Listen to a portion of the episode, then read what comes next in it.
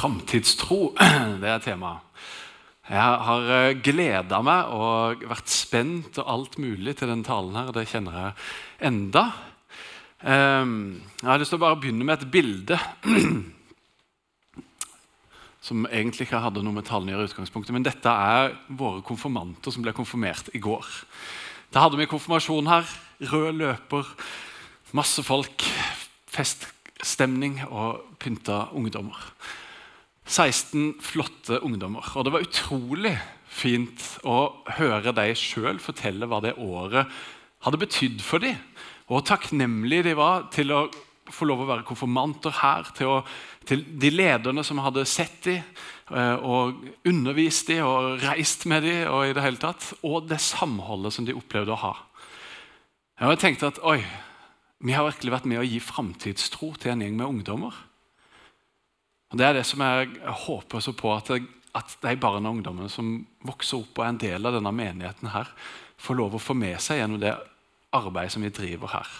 Blant annet da, konfirmasjoner. Det var utrolig fint for meg å bare være med her. Jeg har hatt ansvar for de konfirmasjonene i mange år, men det var første året på lenge som jeg kunne stå i døra og ønske velkommen og være med og be for konfirmantene. Og da, Siden jeg sto i døra og ønska velkommen, så satt jeg helt bak der. og Da gjorde jeg en oppdagelse, for jeg sitter veldig ofte langt her framme. Og da gjorde jeg den oppdagelsen at du verden så mye bedre da sitter langt foran enn langt bak. Når du sitter bak der, så ser en på alle andre som driver og holder på med ting og tang. Plutselig er det noen som går ut for de skal på do, og så er det masse aktivitet som gjør at det er så mye vanskeligere å delta og få med seg det som foregår i gudstjenesten. For En er her for å delta, for å være med. Det er ikke noe sånn show eller noe en skal følge med på. Sånn, selv om det er veldig rart når det er sånn show og konsert, så løper folk til første benk. I kirka så løper vi til bakerste benk. på en måte. Om vi komme først for å få den dårligste plassen. Veldig rart. Men det er bare en sånn oppdagelse som jeg gjorde. Det er så mye bedre å sitte her framme foran miksepulten enn det det er bak. Så det kan være min lille oppmuntring til dere som sitter der i dag, eller som ofte velger å sette dere langt bak. Kom lenger fram. Det er kjempegod plass her. Vi har masse stoler langt foran. Yes! I dag skal jeg snakke om offer, så kanskje det kan være et offer å sette seg lenger fram. Jeg, jeg skal ikke masse mer om det. Men som Thomas sa innledningsvis her, så er det utrolig mange mennesker som kjenner på en usikkerhet i forhold til framtida. Han var inne på dette med klima, som er en av, av tinga. Det er krig i Europa, det er stor usikkerhet. Den økonomiske situasjonen er ustabil. Eh, og ja, En får dårligere råd. Og Når en spør unge mennesker i dag, særlig kanskje voksne, så er en usikker på framtida. En har ikke håp, en har ikke framtidstro. Den er i hvert fall ikke god. Den er fylt av uro og usikkerhet. Og sånne ting. Og det er jo på et sånn makronivå ikke sant, som angår oss alle. Klima og krig og økonomi og sånn. Men òg på mikronivå, da, den enkelte av oss, det individuelle, så er det mange som strever med ensomhet, med utenforskap. Opplevelsen av er jeg god nok eller ikke, kjenner på det presset som en lever i i samfunnet vårt. Og mange har òg psykiske lidelser. Så på et individuelt nivå, i tillegg til et sånn kollektivt, så kjenner en på en sånn manglende framtidstro. En usikkerhet i forhold til hva er det som ligger foran, hva er det som kommer.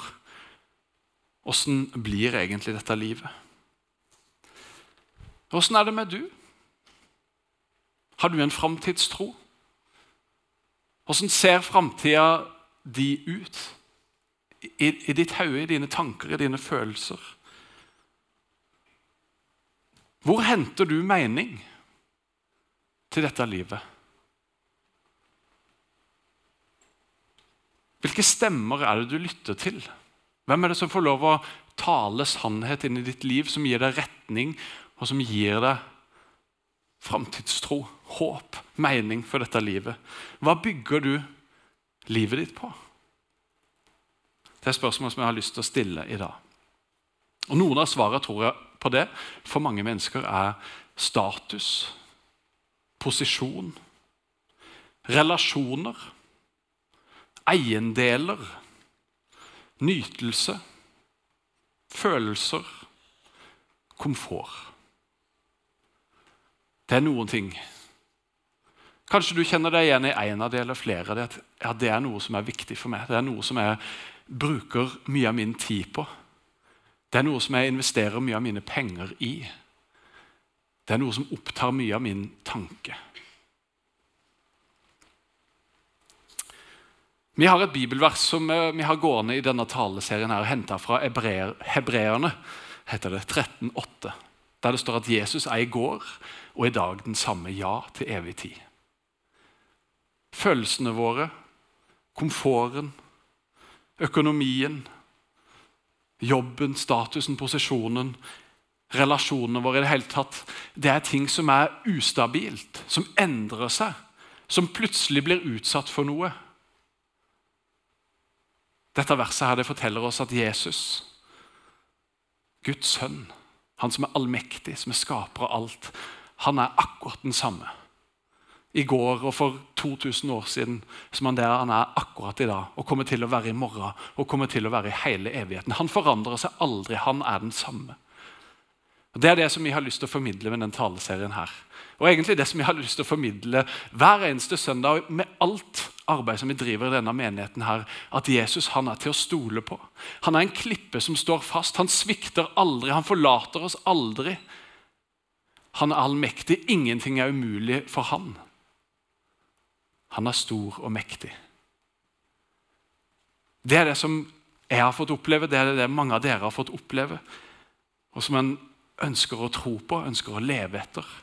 Men som òg kjenner på utfordringene med, for det er ikke lett. Det er veldig lett å si, men det er veldig vanskelig. Vår hoved av. Vi bærer på strasselig og god, og som sier 'kom til meg'. Du har med hva, hva det måtte være tida vår. Gir han oss forrige sønn Gud. Gjør igjen nå. Her og nå. Åssen lever vi? Du kan få opp det neste bildet, tror jeg. Ja, jeg har noen spørsmål som man kan grunne på. Hvordan lever vi? Hvem eller hva følger vi, og hvem eller hva har førsteplass i livet vårt? Det kan kanskje være litt vanskelig å svare på sånn umiddelbart, men hvis en tenker igjennom hvilke valg gjør jeg i livet mitt, hvilke prioriteringer foretar jeg i livet mitt, og så tror jeg man får en ganske god indikasjon på hvem som har førsteplass, på hvordan en lever, og på hvem eller hva en følger. Er det økonomisk trygghet som er det viktigste i livet, så gjør en valg og prioriteringer deretter. Er det bil eller andre eiendeler eller penger, så gjør en prioriteringer og valg deretter. Er det sex, mat, alkohol eller andre ting? Om ikke, om ikke det er bevisst på førsteplass at ja, dette er det viktigste i livet mitt, så er det ting som kan havne på førsteplass. Selv om en egentlig ikke vil det. Selv om en egentlig har en tanke om at det er noe annet som er viktigere for meg. Så kan en kanskje gå inn og se på kontoutskriften sin eller tidsbruken på mobiltelefonen eller kalenderen sin. Hva er det jeg bruker tid på, hva er det jeg bruker penger på? Hvilke valg og prioriteringer gjør jeg i livet? Og så vil det være med å hjelpe en å finne svaret på åssen er det egentlig jeg lever. Hvem eller hva er det jeg følger, og hva er det som er på førsteplass i mitt liv? Og Så kan en måle det opp mot det en sjøl ønsker å ha på førsteplass, det en sjøl sier at skal være på førsteplass i eget liv.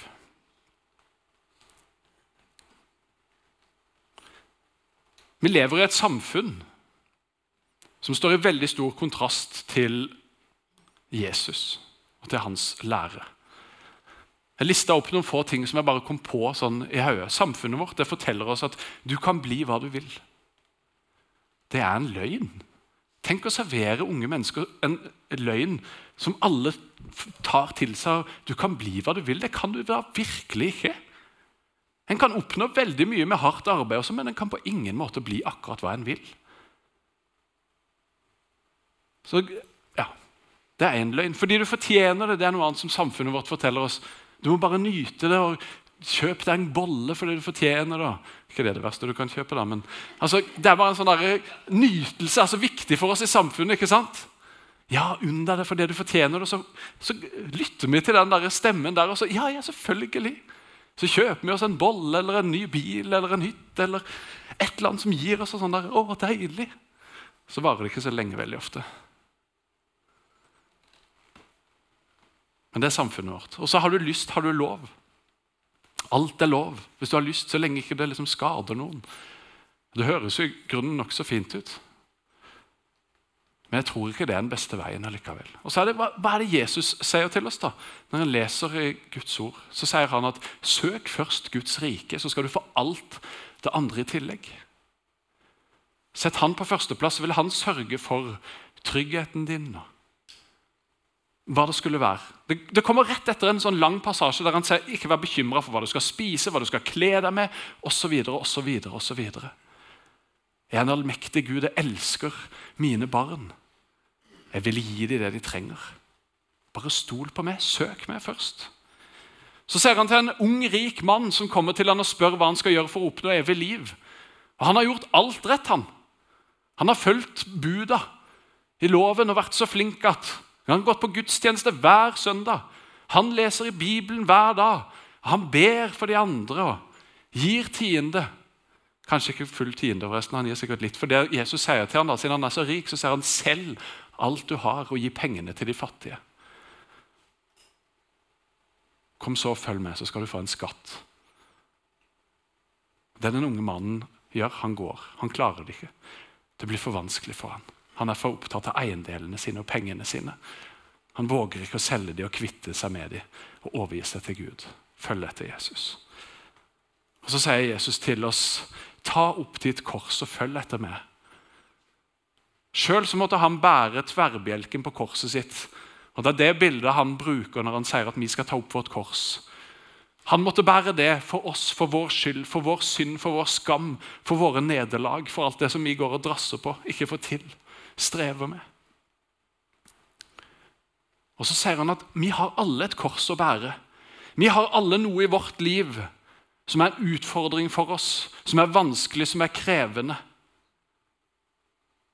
Og Da funker ikke de der slogansa til samfunnet vårt. Du kan bare legge den av fordi du fortjener det, liksom, eller hvis du har lyst. Eller. Så Det gir oss sånne kortvarige greier. Men jeg, jeg, tror så på det han sier, at det der korset vi har å bære, det er tungt, det er vanskelig. Men det er jo med å gjøre at vi kommer i en rett posisjon for Gud. Vi blir ydmyke, vi får oppleve Hans nåde, Hans kjærlighet, Hans godhet imot oss. Når vi blir avhengige av, når vi trenger han, når vi har et fjell som er for høyt for oss til at vi kan komme opp, når vi har noe som er for tungt til at vi kan bære det sjøl, så har han lovt at jeg går med deg. Jeg svikter deg ikke, jeg forlater deg ikke. Jeg gir deg det som du trenger. Det er budskapet han har til oss. Det er ikke noe enkelt. Det er ikke billig nåde han kommer med. Nei, det koster noe. Det er vanskelig, det krever noe. Det er helt gratis. Han gir det til oss med en gang. Han har gjort alt ferdig. Men vi vil så veldig gjerne gå våre egne veier. Vi vil så veldig gjerne være Gud i vårt eget liv. Vi har så ofte noe som vi setter på førsteplass i vårt liv, som gjør at Gud kommer på andreplass hvis han i det hele tatt er med i regnestykket. Hvis ikke du er en kristen, hvis ikke du kjenner Gud, så vil det være veldig rart om du hadde han og hans veier på førsteplass i ditt liv. Så selvfølgelig går du de veiene som du kjenner i hjertet ditt eller tenker at det er riktig, eller hvilke stemmer du lytter til. Men for de som har valgt å følge Jesus, så har vi sagt at jeg vil ha du på førsteplass i mitt liv. Jeg vil at du skal være den som går foran, og jeg er den som følger etter. Jeg, altså når en sier til Jesus at jeg vil være en kristen, jeg vil følge etter du, så sier vi jo at når du går til høyre, så vil jeg gå til venstre. Nei, så vil jeg gå til høyre. Det er fint, vet du. Det er det vi ofte gjør. da. Når han sier gå til høyre, så går vi til venstre. Men det vi egentlig ser, at jeg vil følge etter han, den veien han går. Men så er det ting i våre liv som gjør at vi velger en annen vei. Det er våre egne følelser, våre egne lyster. Hva vi lar tankene våre påvirkes og preges av. Stemmer som vi lytter til rundt, rundt oss i samfunnet eller relasjoner som vi har. Vi tror og formidler og ønsker å løfte opp at Jesus er selve livet. Det er han som er håpet. Det er han som gir virkelig framtidstro. Det er han som gir livet mening. Ikke bare for dette livet, men også for evigheten. Det som kommer når vi dør, det skal vi ha fokus på neste søndag. Jesus er den samme til evig tid. Vi ønsker å formidle at vi tror på en Gud som ikke svikter, som er uforanderlig. Han forandrer seg ikke. Han er den samme. Han har ikke en dårlig dag noen gang. I motsetning til du og meg og de andre tinga rundt oss, så er han den samme. Han er nådefull, han er god, han er rettferdig, han er kjærlig. Han elsker deg. Det er den Gud vi har med å gjøre. Han ønsker kun det beste for deg. Og så sier han, 'Følg etter meg, for jeg har den beste veien.' Jeg har det beste livet. Jeg har det som du lengter etter. Og som en prøver å finne i andre ting. I eiendeler, i penger, i relasjoner, i makt og posisjon, hva det skulle være. Og Det han ønsker, og det han fortjener, det er å være på førsteplass i våre liv. Det er det han ønsker. Å være på førsteplass i ditt og mitt liv. Han ønsker å være Gud og Herre i ditt liv. Og Det vil han ikke fordi han er maktsyk eller noe som helst. Han gjør det av kjærlighet. Han er kjærlighet. Og Han ønsker å være på førsteplass i ditt liv fordi han vet at det er det beste for du og meg. For han har skapt oss. Det er det tryggeste og det beste for oss, og så er det likevel så utfordrende og så vanskelig, for vi går vår egen vei. Jesus han har allerede gitt oss alt det vi trenger. Han levde et liv som vi kan lese om, som vi kan lære som vi kan se opp til som utfordrer oss, så døde han på korset for alle våre synder. For all din skyld, for all din skam, for alt det dumme du har gjort, for det du har blitt påført. Så tok han det med seg i grava. Så begravde han det. Så ligger det i dødsriket, og så sto han opp igjen, sånn at du og vi skal få lov å ha liv og overflod. Det er det han har å gi til oss. Og Det er fantastisk. Det er gode nyheter. Og For at vi skulle få det, så var Jesus nødt til å gjøre et offer.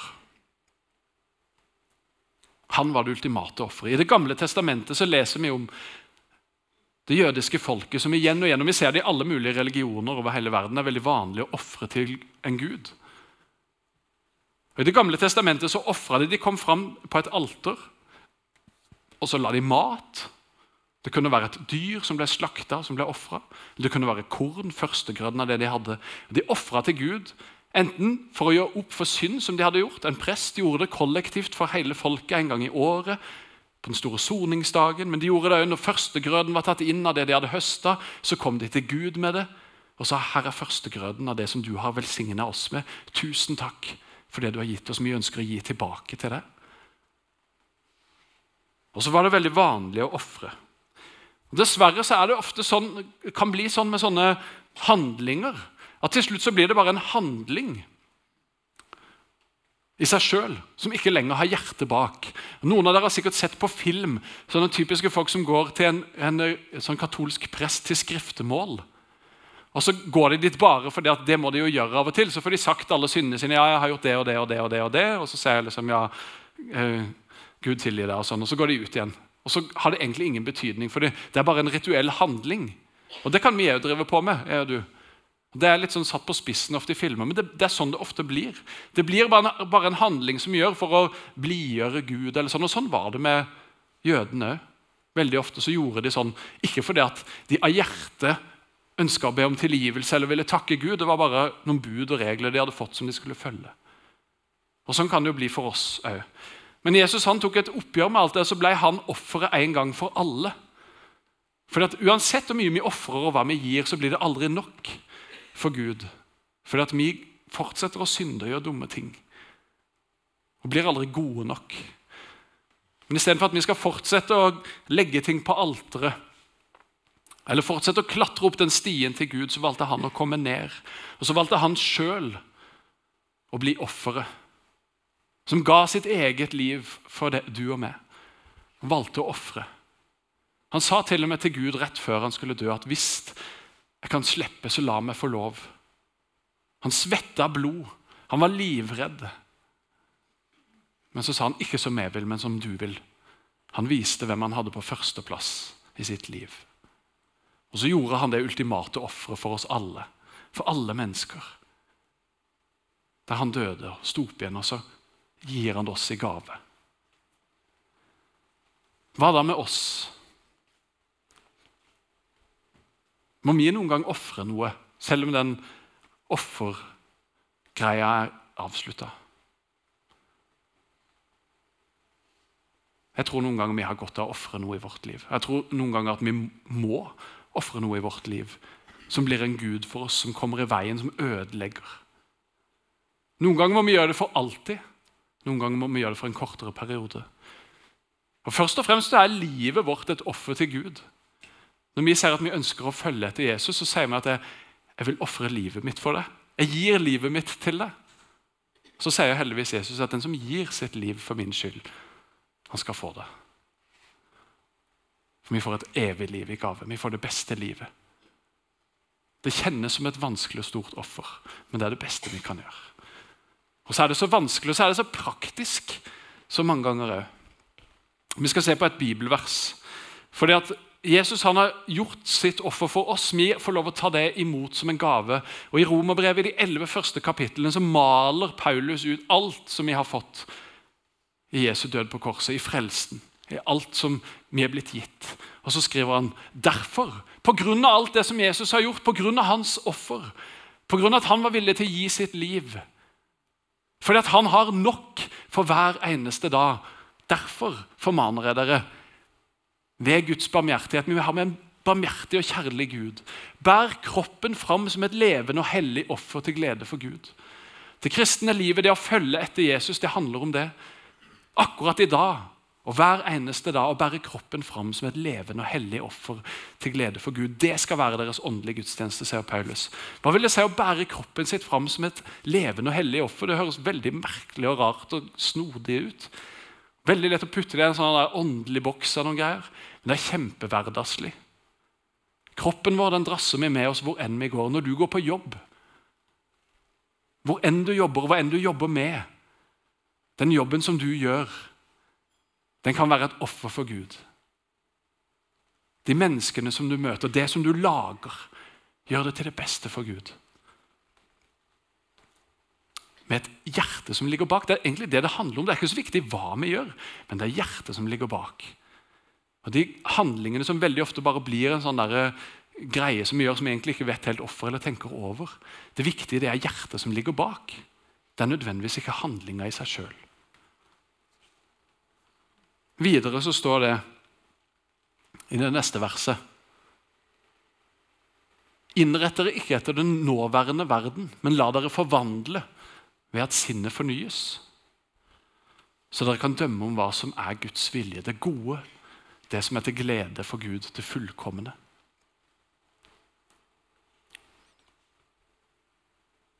Hva er på førsteplass i ditt liv? Hva ønsker du skal være på førsteplass i ditt liv?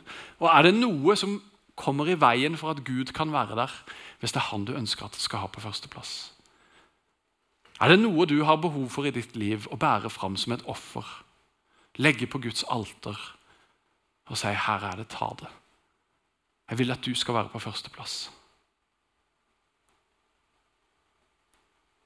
Jeg ble utfordret når jeg leste, eller holder på å lese en bok som har utfordra meg veldig. Der han som skriver han har gjort et vanvittig stort offer for hele livet sitt. Mens jeg leste så ble jeg utfordret hva er det som, hva i mitt liv er det som ønsker å ha førsteplassen, eller som, som tar på en måte førsteplassen? Som påvirker tankene mine, følelsene mine, hverdagen min, åssen det er med de rundt meg. Og Så dukka det opp noe der som egentlig er noe godt og noe fint i mitt liv. Men som kommer foran og som hindrer meg i å søke Gud. Og Så var jeg nødt til å velge å gå og legge det på alteret. Så I en 40 dagers periode så har jeg valgt å gjøre et offer. Og Jeg har holdt på noen dager, allerede er det kjempevanskelig. Men jeg gjør det for at jeg ønsker å vise for meg sjøl. Jeg ønsker å, ja, at Gud skal være på førsteplass i mitt liv. Og Det gjør jo at jeg blir påminnet på det hele tida. Det gjør at Gud hjelper meg med det. Jeg klarer det ikke, jeg får det jo ikke til. Og Det handler ikke om å få det til, men det handler om å overgi seg til Gud. Hva er det som står i veien for at vi kan overgi oss til Gud? Hva er det som står i veien for at vi kan leve for Ham? Og jeg klarer ikke det alene. Jeg er avhengig av dere. Jeg er avhengig av et fellesskap. Jeg er avhengig av noen rundt meg som er med og går sammen med meg. Som er med og går i retning av Jesus sammen med meg. Det er derfor jeg går til gudstjeneste. For Jeg ønsker å være en del av et fellesskap som er med og løfter blikket mitt, som er med og tilber Jesus, som er med og hjelper meg, sånn at han kan få førsteplassen og få ha den i livet mitt. Det er derfor jeg er med i en smågruppe i menigheten sammen med noen andre mannfolk som strever med sine ting, der vi kan be for hverandre, kjempe sammen med hverandre, heie på hverandre. Det er derfor jeg er med og har en tjeneste. For Når jeg er med og tjener andre mennesker, så tjener jeg jo Gud. Når jeg har en tjeneste, så er det for å vise at han er på førsteplass. Jeg ønsker å følge etter han. Det er derfor jeg gir av pengene mine til menigheten her og til andre prosjekter som jeg syns er bra innimellom. For jeg ønsker at han og hans rike skal være på førsteplass. Og de tingene de hjelper meg. Og Det er det vi har satt som fire slags søyler i menigheten som vi ønsker at alle skal være en del av eller ta del i, det er å gå jevnlig på gudstjeneste, være en del av en smågruppe, ha en tjeneste og ha en givertjeneste. Hvorfor det? Jo, for det hjelper oss i relasjonen vår med Gud. Det hjelper oss til å ydmyke oss under Gud. Det hjelper oss til å ha Han på førsteplass, og det hjelper oss i vandringen med å følge etter Han. Det er grunnen til at vi har det. Så kanskje det er noe som du kan ta med deg i dag. Jeg vil gå jevnlig på gudstjeneste jeg vil finne meg en smågruppe å være en del av. Hvor kan jeg tjene hen? Kanskje det er oppe i barnekirka? Kanskje du skal ofre dette fellesskapet her en søndag i måneden eller sånt, for å gi framtidstro til de som kommer etter? Kanskje du skal åpne lommeboka di og hver måned gi. Og Det er det heldigvis mange som gjør. Og det er mange som tjener på ulike måter, er med med gavene sine og gir inn. Hva er det du har på førsteplass i ditt liv? Hva ønsker du skal ha førsteplass i ditt liv? Og hva hindrer deg i å ha Jesus på førsteplass i ditt liv? Er det noe som du må oppgi for resten av livet? Kvitte deg med, selge, gi bort? Eller er det noe som du må ofre for en liten periode? Legge vekk mobilen? Eller hva det skulle være? Hva trenger du å ofre for Gud i dag? Det var min utfordring.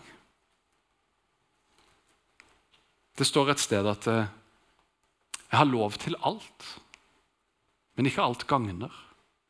Jeg har lov til alt, men jeg vil ikke at noe skal få makt over meg. Derfor har jeg valgt å legge noe på alteret som et offer. Så skal dere få lov å bare lytte til en sang og reflektere litt over det som du har hørt.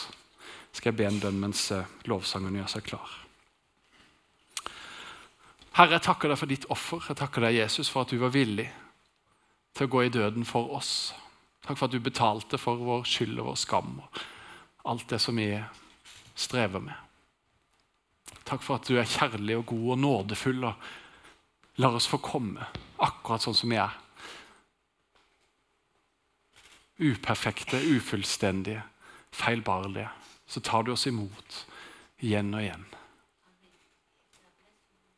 Helligånd, kom du og rør ved hjertene våre og tal til oss. Vis oss hva som hindrer du i å være på førsteplass i våre liv.